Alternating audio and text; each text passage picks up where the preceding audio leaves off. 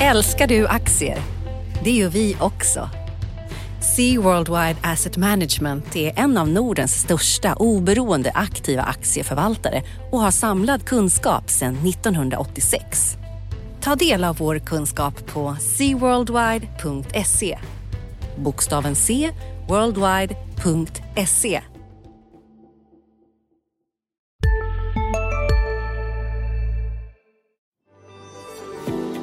Svenska aktiemäklare är duktiga på nordiska aktier och fonder. Men det IG gör är att öppna upp resten av världen till svenska investerare och traders. Alla IGs produkter, CFDs, turbovaranter och optioner bygger på samma grund. Kunden har ett konto med IG som erbjuder handel på över 17 000 marknader världen över. När en kund då till exempel vill köpa en amerikansk aktie så köper IG aktien Finansiellt är det som att du själv äger aktien, men du kommer inte kunna rösta i bolagsstämman. En stor fördel för dig som kund är att IG besparar dig onödiga växlingsavgifter. Det enda IG växlar åt dig är den vinst eller förlust du får när du stänger affären. Öppna ett konto på ig.com eller ladda ner IG-appen. Men kom ihåg att all handel med finansiella instrument innebär risker. IG.com Analyspodden från Dagens Industri. Hej och välkommen till Dagens Industris analyspodd. Eh, vi ska prata om börs och makro, fast idag blir det bara börs nästan tror jag. Eh, jag heter Agneta Jönsson och med idag är kollegan Ulf Pettersson. Hej Ulf! Hallå, hallå Agneta! Hur är läget med dig då? Det är bra. Det är fredag. Det har varit en intensiv eh, arbetsvecka för oss som inte haft semester mitt i ska vi säga, andra veckans rapportsäsong eh, som har varit eh, högintressant tycker jag med eh, ganska stora rörelser på börsen och ännu större bland enskilda bolag. Så det finns att snacka om det. Eh, och eh, det kommer inte bli så mycket makro i vår podd denna vecka utan det får vi nu väl avvakta till nästa vecka då vi har ett spännande Fed-besked. Men eh, jag tycker att eh, den här veckan blir det väl mest rapporter, eller vad säger du Agneta? Ja, jag håller med. Nu när vi spelar in det här så är det fredag den 23 juli och klockan är 10.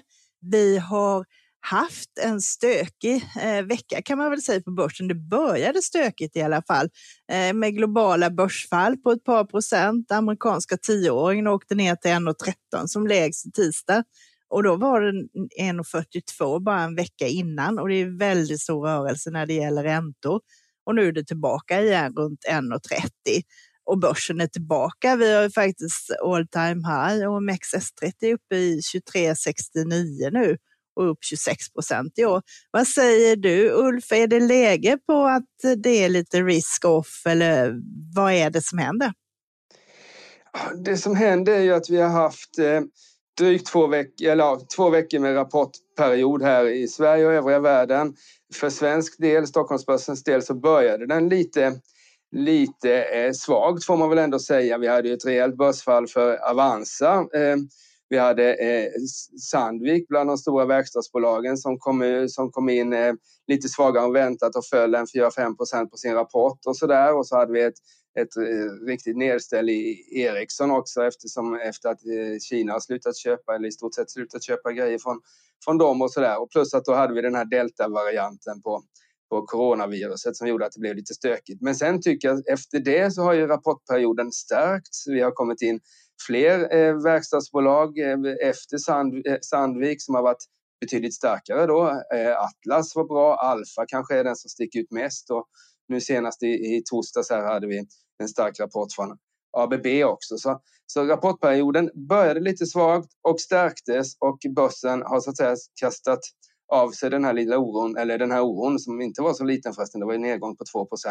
eh, i början av veckan till att nu är uppe på all time high. Och det som sticker ut eh, tycker jag väl är eh, orderingången hos många bolag plus att det har blivit legio att göra eh, bättre än väntat resultat. Jag gjorde en första sammanställning eh, eh, för en vecka sedan precis och då var, då var vinsterna i, i, i ungefär i linje med, med, prognoserna men den här veckan så är de betydligt högre än, än marknadens prognoser.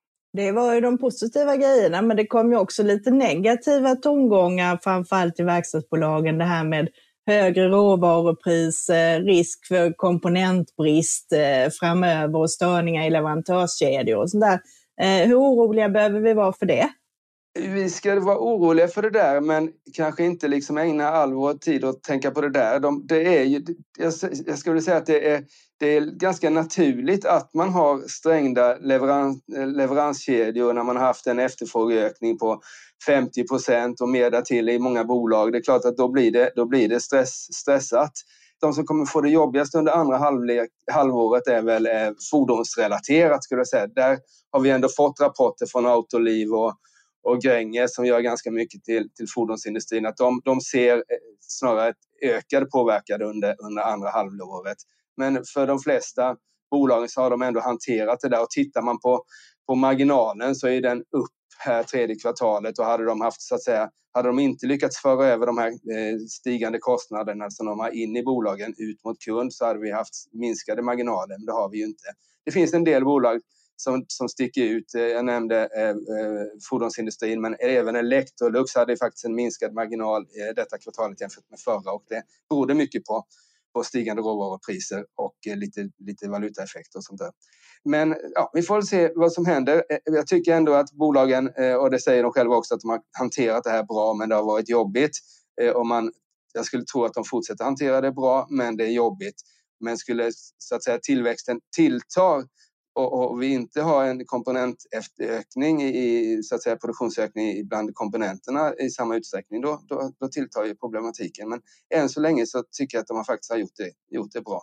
Alltså är, det no är det något som du, på verkstadssidan som du tycker sticker ut som särskilt eh, köpvärt? Du skrev ju bland annat om Electrolux Professional i tidningen idag här. Ja, det gjorde jag det är sådär, vad ska man, vad ska man köpa för aktier i, i dessa tider eh, när allt är på topp i stort sett? Då tror jag man ska inrikta sig på bolag som står inför en, en, en lång period av vinstökning.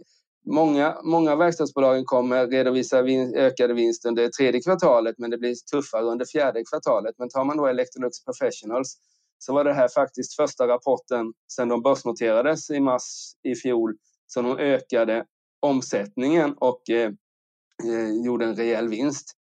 Och de borde rimligtvis, med tanke på att marknaden även 2019 före corona var svag för dem, så borde de ha en rejäl eh, catch up-effekt i år och eh, även nästa år. Så jag skulle kunna tänka mig att de har en 6-8 kvartal av god vinstutveckling och de är så att säga en bra bit ifrån sina toppnivåer vad det gäller marginal. De hade ju en 15 marginal ett tag och ligger på 10 nu så senaste kvartalet. Så det är ett bolag som har vinst, vinsttrenden med sig och då ska man, sådana bolag ska man äga medan sådana här bolag som exempelvis eh, det gamla moderbolaget Electrolux har inte vinsttrenden med sig utan kommer rimligtvis redovisa lägre vinst kommande fyra kvartalen och då är den inte lika intressant att köpa även om de kommer med en extrautdelning i höst som kanske kan locka en del. Men, men eh, jag tror att man ska köpa bolag som står i, i, i färd med att öka vinsten och då tycker jag Electrolux sticker ut lite bland de ska vi säga, medelstora verkstadsbolagen.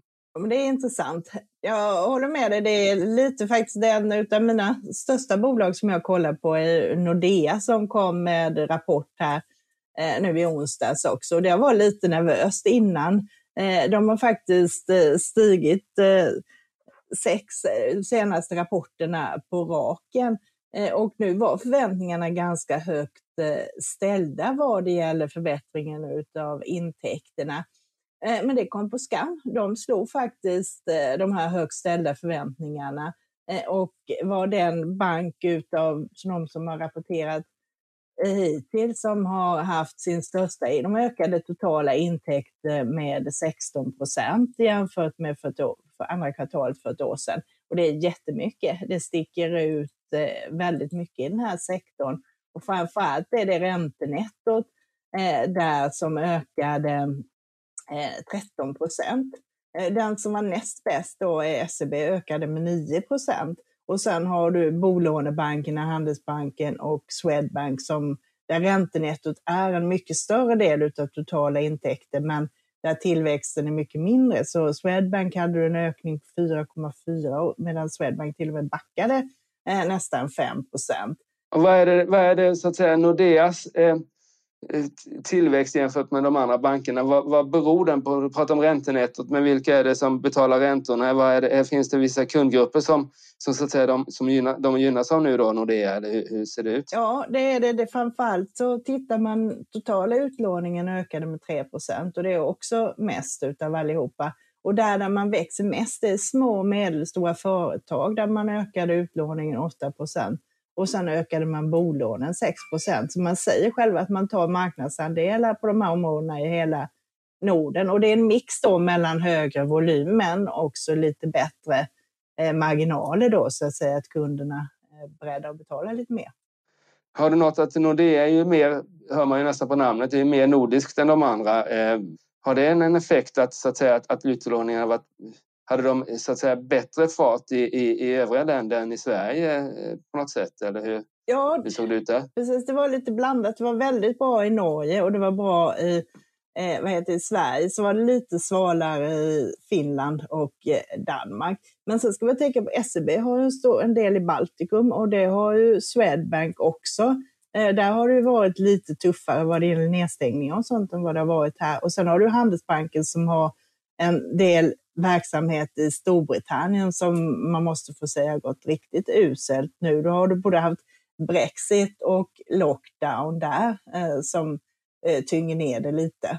Men den mesta anledningen är ju att eh, Nordea är inne i en turnaround-situation och har varit sedan ganska länge. Men den riktiga vändningen kom startade då hösten 2019 när Frank Wang Jensen tillträdde. Och man, det är faktiskt en imponerande vändning. Enligt en liksom på pappret väldigt enkel modell. Öka intäkterna och minska kostnaderna. Eller att intäkterna ska öka mer än kostnaderna helt enkelt. Och eh, det har faktiskt funkat. Eh, och eh, det är lite små steg för varje kvartal och jag tycker nu har man kommit så långt att man faktiskt har bevisat sig att den här strategin faktiskt funkar. Skulle du till och med utse så att säga Nordea till bästa bankköp här resten av året eller så där om du även lägger in, förutom lägger in så att säga vinsttrenden, lägger in värderingen på bolagen eller på, på, på bankerna eller hur, hur, hur rankar du dem egentligen som aktieplaceringar de här fyra? Jag tror precis, SEB har ju, får ju, gynnas ju av om det blir mer eh, företagsaffärer. Vi ska prata om det här, det var ett stort bud på Vajoner idag. Men eh, när det kommer mer aktivitet bland de företagen, framförallt lite större företagen, eh, Eh, då brukar det också hänga med att de får låna ut en del pengar. Och de indikerar det här i samband med rapporten att man ser liksom att eh, det är mer grejer på gång och det kommer gynna dem. Så att en aktiv marknad för företag slår hårt in på SEB helt enkelt. Så där tror jag ju att aktien, eh, att vi kanske faktiskt får se den här gamla toppen på 128 kronor ligger inom räckhåll närmaste halvåret här. Eh, så den tycker jag fortfarande man ska hålla i. Och Nordea har ju historiskt sett varit den som har varit lägst värderad av dem. Eh, du har ett snitt på mot eh, price book och mot eget kapital på 1,10 och där är de nu. Men de har alltid varit lägre än de andra därför att de har haft en svagare lönsamhet. Och kan man nu hålla i den här trenden och är på väg att förbättra överlag, då tror jag också att vi kan få en högre värdering. Eh, där har du en gammal toppkurs på 116 kronor. Eh, och den tror jag också vi får se här eh, passeras under året. Och de andra tror jag har en lite trögare utveckling helt enkelt. Precis, bra. Du gjorde ju nästan en, en, en sån här radioövergång där. Du pratade om, om företagsaffärer. Ska vi riva av VNR-budet då och fundera kring om det finns, så att säga, om det kan få några efterföljare här? Det tycker jag. Och det var ju en riktigt saftig premie där också, 57 procent eh, på Vioneer. Kan du säga någonting om den här affären? Eh, var det väntat? Är det bra pris? Eh, vad tycker du?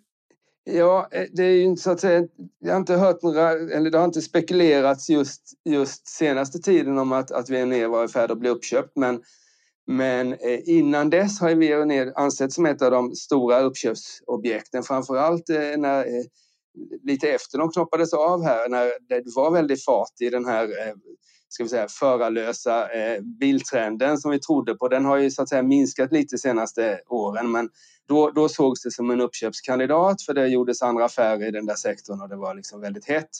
Sen så blev ju aktien helt utbombad under, under eh, pandemin här för ett år sedan. Den eh, Veoneer värderades till och med under kassan och det var länge sedan man såg det. Jag tror det var eh, lite IT-konsulter som värderades till sånt där 2002, 2003 någon gång. Och då var den ju billig. Och eh, eh, sen så har den ju så att säga kommit tillbaks och nu kommer det ett bud då som är en, en budpremie på över 50 procent till och med.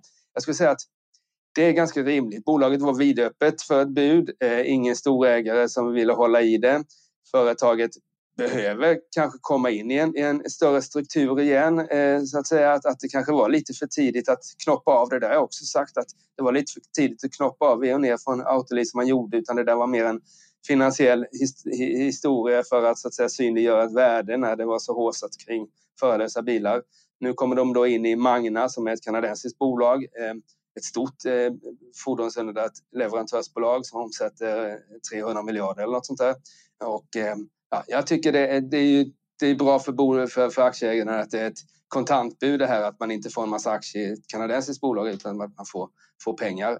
Eh, så det tror jag. Och jag ser här att Christer Gardell, finansmannen som är eh, en av Autolivs absolut största ägare, tycker, gillar affären och kommer tacka ja till den. Så, så det där var inte väntat att det skulle ske idag men det låg ändå i korten och framförallt har det legat i korten tidigare att, att det skulle hända något sånt där med Veoneer som behöver komma in i, i en, i en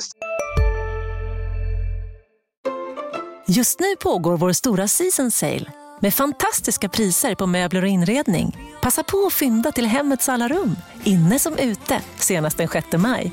Gör dig redo för sommar. Välkommen till Mio. Har du också valt att bli egen? Då är det viktigt att skaffa en bra företagsförsäkring. Hos oss är alla småföretag stora och inga frågor för små. Swedeas företagsförsäkring är anpassad för mindre företag och täcker även sånt som din hemförsäkring inte täcker. Gå in på swedea.se företag och jämför själv. struktur igen. Spännande. Eh, tror du det kommer, vi kommer få se fler den typen av affärer nu med utköp från börsen? Inte omöjligt. Tittar man på eh, historiken och hur det brukar se ut så ska det ske mycket affärer, brukar ske mycket affärer och borde då ske mycket affärer eh, när börskurserna är på topp, eh, vinsterna är höga, självförtroendet hos bolagsledningar och styrelser är på topp. Det vimlar av pengar, eh, inte det finns mycket pengar inom industriföretagen som är eventuella köpare men det finns ännu mycket mer pengar kan man nästan säga hos private equity-bolag som verkligen har haft lätt att attrahera kapital. Så, och då borde det komma mycket bud. Vi har inte haft, vi har haft en del bud förstås, men inte så här stora bud som vi har då på Veoneer idag som är väl en 25 miljarder eller något sånt där. Eh, eh, men det är rimligt och då ska man ju leta efter bolag likt Veoneer som inte haft den här fantastiska börsutvecklingen eh, senaste tiden. Veoneer var faktiskt inför det här budet ner hittills i år, eh, hade backat på börsen hittills i år.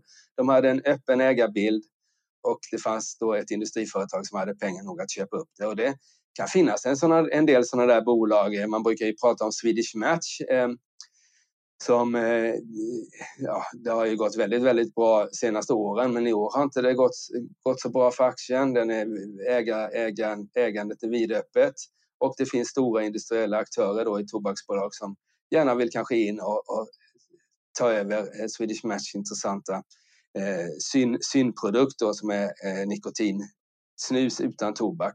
En sån där och det kan finnas andra också. Eh, så det, det, kan absolut vara någonting som vi får se här på sluttampen av, av så att säga börsrallyt.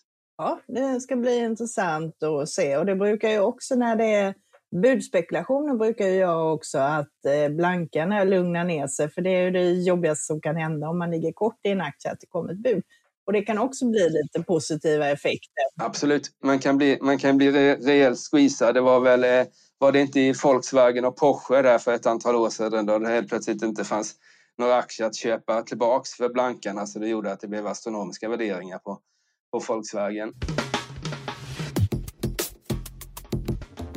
Om vi fortsätter på temat eh, företagsaffärer så tycker jag ändå vi måste nämna eh, EQT, då, riskkapitalbolaget, rapport i veckan och kursuppgång i år. Då. Aktien är fördubblad och eh, de kom med en halvårsrapport där vinsten steg från knappt en miljard upp till fem miljarder eh, har att göra med att företagsvärderingen har gått upp så fantastiskt eh, och att EQT har lockat väldigt mycket kapital. De har nästan fördubblat sitt, sitt förvaltade kapital i år. Och de hade sin näst bästa, i, i veckan här vid rapporten så hade de sin näst bästa börsdag sedan de noterades i september 19. Den bästa börsdagen var i januari när de kom med sitt bokslut. Eh, EQTs rapporter är ju lite speciella sådär att det är halvårsrapporterna och helårsrapporten som man kan läsa med någon slags behållning medan Q1 och Q3 mest är en sammanfattning av hur mycket kapital de förvaltar. Och de brukar inte ge någon effekt alls på börskursen utan det är då, det är då eh, rapporterna som ger stor effekt. Och nu, nu är det ju eh, riktigt bra fart i EQT och de kan man ta apropå den här företagsaffärer då som köpte de första halvåret 2020 när vi hade corona, eh, eller när coronapandemin satte fart, så köpte de bolag för 2 miljarder. Senaste halvåret har de köpt bolag för 80-90 miljarder. Eh, så där ser man väl lite hur, hur het eh, förvärvsmarknaden är, transaktionsmarknaden är just nu.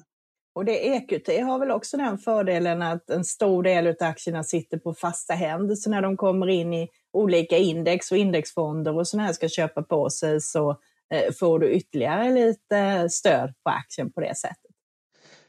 Så är det ju. Alltså, det, är ju det är ju unikt. Alltså, eh, ja, nu backade den någon procent idag då, eh, på fredagen här, men, men annars så gick de om Volvo i börsvärde. EQT igår eh, har ett börsvärde på 420 miljarder ungefär. Eh, eh, eh, Stockholmsbörsens femte största bolag och den free floaten, alltså det som är tillgängligt på marknaden att handla, köpa och sälja är 25 procent av aktiestocken. Resten, 75 procent, sitter ju på eh, anställda som har lockup-avtal och som inte så att säga handlar aktien frekvent och Investor då som är, är största ägare. Så, och det gör ju att det har blivit en knapp prissättning av EQT-aktien som har gjort att den har stigit och det här fantastiska från 90 kronor när det noterades till över 400 kronor inte ens två år senare. Plus den här vinstökningen som de då har presenterat. Så det är, jag tycker väl att, att aktien så här i efterhand så var ju aktien ett superfynd på 90 spänn. Eh, det kanske man borde ha insett, men nu på 400 spänn så är förväntningarna väldigt, väldigt högt ställda på EQT-aktien och jag skrev väl att man kanske ska vara åtminstone försiktig och inte hoppa på den just idag då eh, när jag såg rapporten igår. Mm, nej, det är klart, eh, när allas stjärnor står rätt så, så är det, det ska man ta det lite lugnt. Ja, det kan ju inte, alltså ja, börsen kan ju mycket väl fortsätta upp. Vinsttrenden ser ju stark ut för tredje kvartalet också och så där, men vi har ändå haft en, mer än en kursdubbling eh, senaste 15 månaderna och bara i år så är Stockholmsbörsen upp 26-27 procent.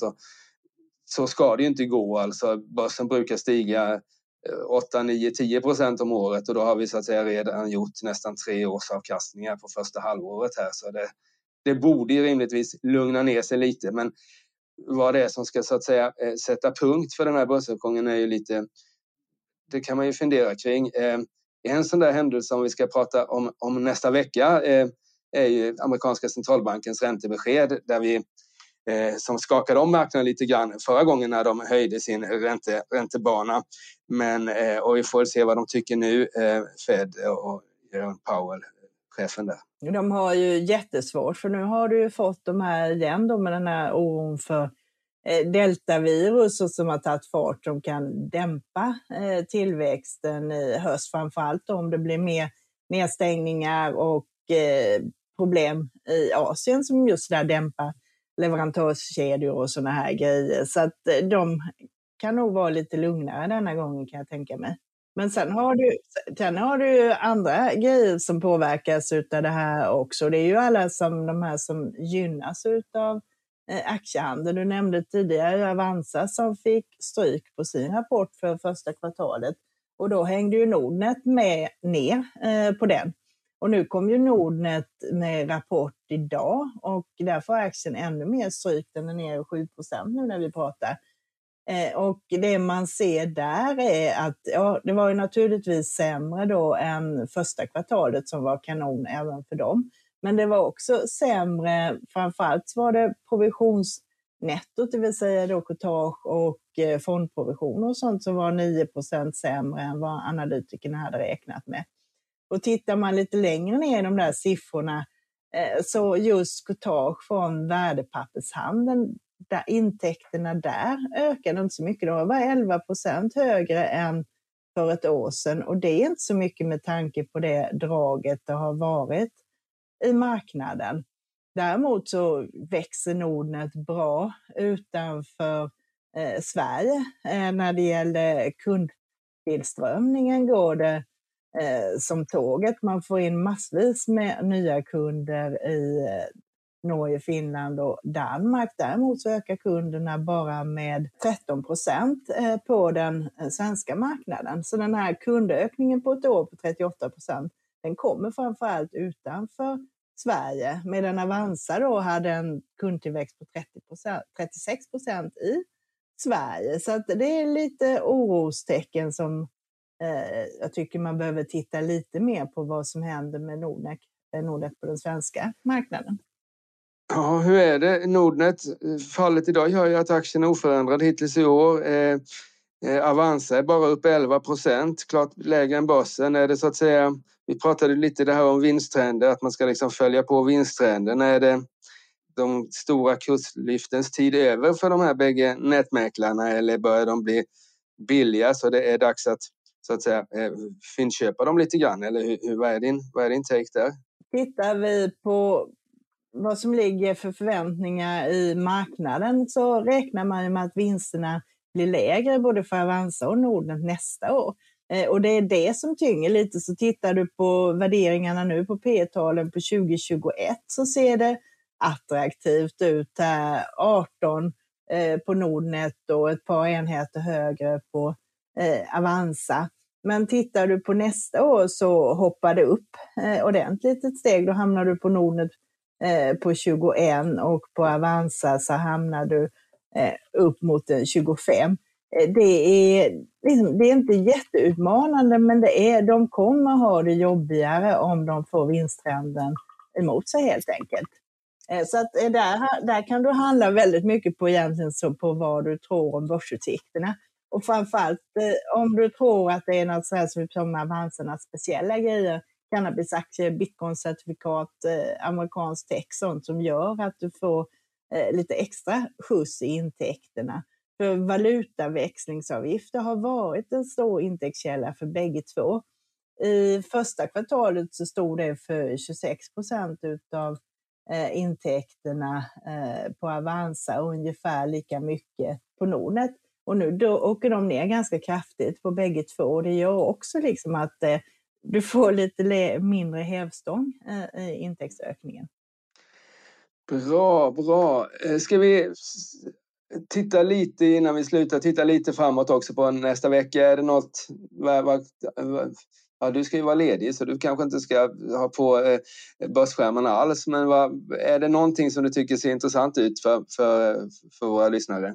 Ja, rapportfloden håller ju på att bromsa in riktigt ordentligt när det gäller de större bolagen. Så på tisdag så är det ju Hexagon. Den är ju alltid mm. intressant att kolla på. Och sen får du på onsdag så är det Lundinbolagen, Lundin Energy och Mining.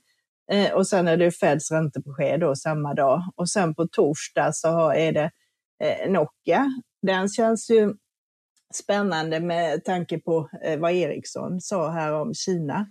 Eh, om ja. vad, vad de har att säga där. Eh, det var någon analytiker som jag hörde som trodde att eh, Nokia kunde kanske få vara med där istället för Ericsson. Ja, så är det. Eh, och det är ju eh, eh, Nokia har ju redan kommit ut och, och, så att säga sagt att de kommer höja prognoserna, men inte riktigt hur mycket. Men det är klart att det har ju varit senast, det har ju varit en scenförändring här faktiskt senaste året där eh, Nokia har, har, har gått bättre än eh, eh, bättre än Ericsson. Ericsson eh, utklassade ju Nokia under en lång följd av år men nu känns det som att eh, den här nordiska eh, telekom-racet eh, eh, är lite till finnarnas fördel. Eh, men jag håller med dig, det ska bli intressant att se vad, vad de säger, Nokia, kring, kring marknaden och utvecklingen i Kina och sådär. Och så eh, tycker jag ändå att, att nästa vecka, eh, om det inte händer något, något oväntat här, så är det ändå Fed-beskedet som kan bli en sån här eh, avgörande för börsen om vi ska upp på nya toppnivåer eller om vi ska få en liten rekyl. Vi har ju haft väldigt, väldigt lite rekyl under den här uppgången sen, sen börsen började vända upp i mars 2000 så har vi, eller 2020 eh, så har vi bara haft två rekyler på 10 procent och det är väldigt lite med en sån kraftig uppgång som vi har haft. Så, eh, ja, vi får se. Det kan mycket väl bli nya, nya, nya toppar om, om Fed fortsätter att vara, vara eh, försiktiga. Skulle de så att säga börja, börja andas någonting annat i ännu högre utsträckning än vad de gjorde förra gången så, så eh, kan det ju sätta, sätta lite punkt i alla fall för börshåsen som vi är inne i. Precis, sen kan man ju också säga det att vi är ju på väg nu in i den här eh, säsongsmässigt svagare perioden här eh, som brukar starta lite när rapportsäsongen är över. Där det brukar kunna vara lite stökigare. Så att eh, en hel del eh, eh, förvaltare och stora aktörer går på semester nu när rapporterna har eh, presenterats. Här. Ja, så är det. Men eh, som sagt var, trenden är, tycker jag fortsatt alltjämt starkt och den här oron vi hade i början av veckan med 2 i fallet, det känns som det, det, det, är redan, redan bortglömt lite grann. Men eh, eh, ja, det är spännande tider eh, och jag hoppas att ni förutom att eh, titta på börskurserna och läsa tidningen och lyssna på alla våra andra poddar, Agneta, vad är det för poddar vi har igång under sommaren nu egentligen? Eh, Digitalpodden är ju igång och de har skrivit nu en massa intressanta grejer om Klarna och deras optioner, så då får vi se om de snackar om det också. Eh, och vi har den här dagliga podden Morgonkoll, där man kan sätta på på morgonen och höra allting som har hänt över natten och vad som ska hända under dagen. Eh, så det är de grejerna som är igång nu, förutom då Analyspodden som också kör hela sommaren. Precis, så de ska ni lyssna på och eh, fortsätt bevaka aktiemarknaden. Vi är inne i en väldigt intressant tid och eh, se till också att ha lite ledigt under den här eh, fantastiska sommaren som vi, som vi just nu har. Eh, vi får tacka för oss. Ulf Pettersson heter jag som har, har pratat med Agneta Jönsson och vi önskar bägge en eh, fortsatt skön sommar och en trevlig helg. Tack så mycket! Hej då! Tack, hej!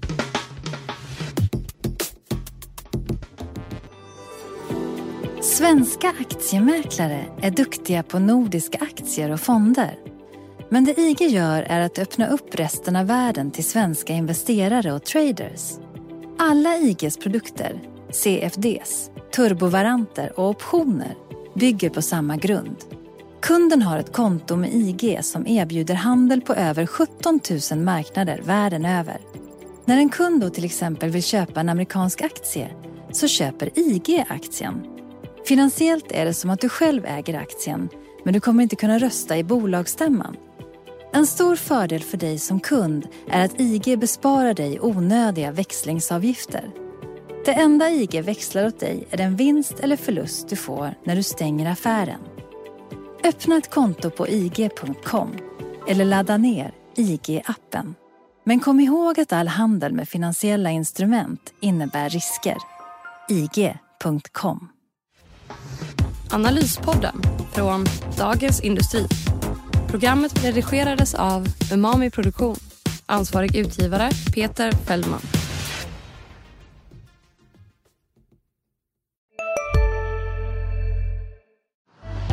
Älskar du aktier? Det gör vi också. Sea Worldwide Asset Management är en av Nordens största oberoende aktiva aktieförvaltare och har samlad kunskap sedan 1986. Ta del av vår kunskap på seaworldwide.se. Bokstaven C, worldwide.se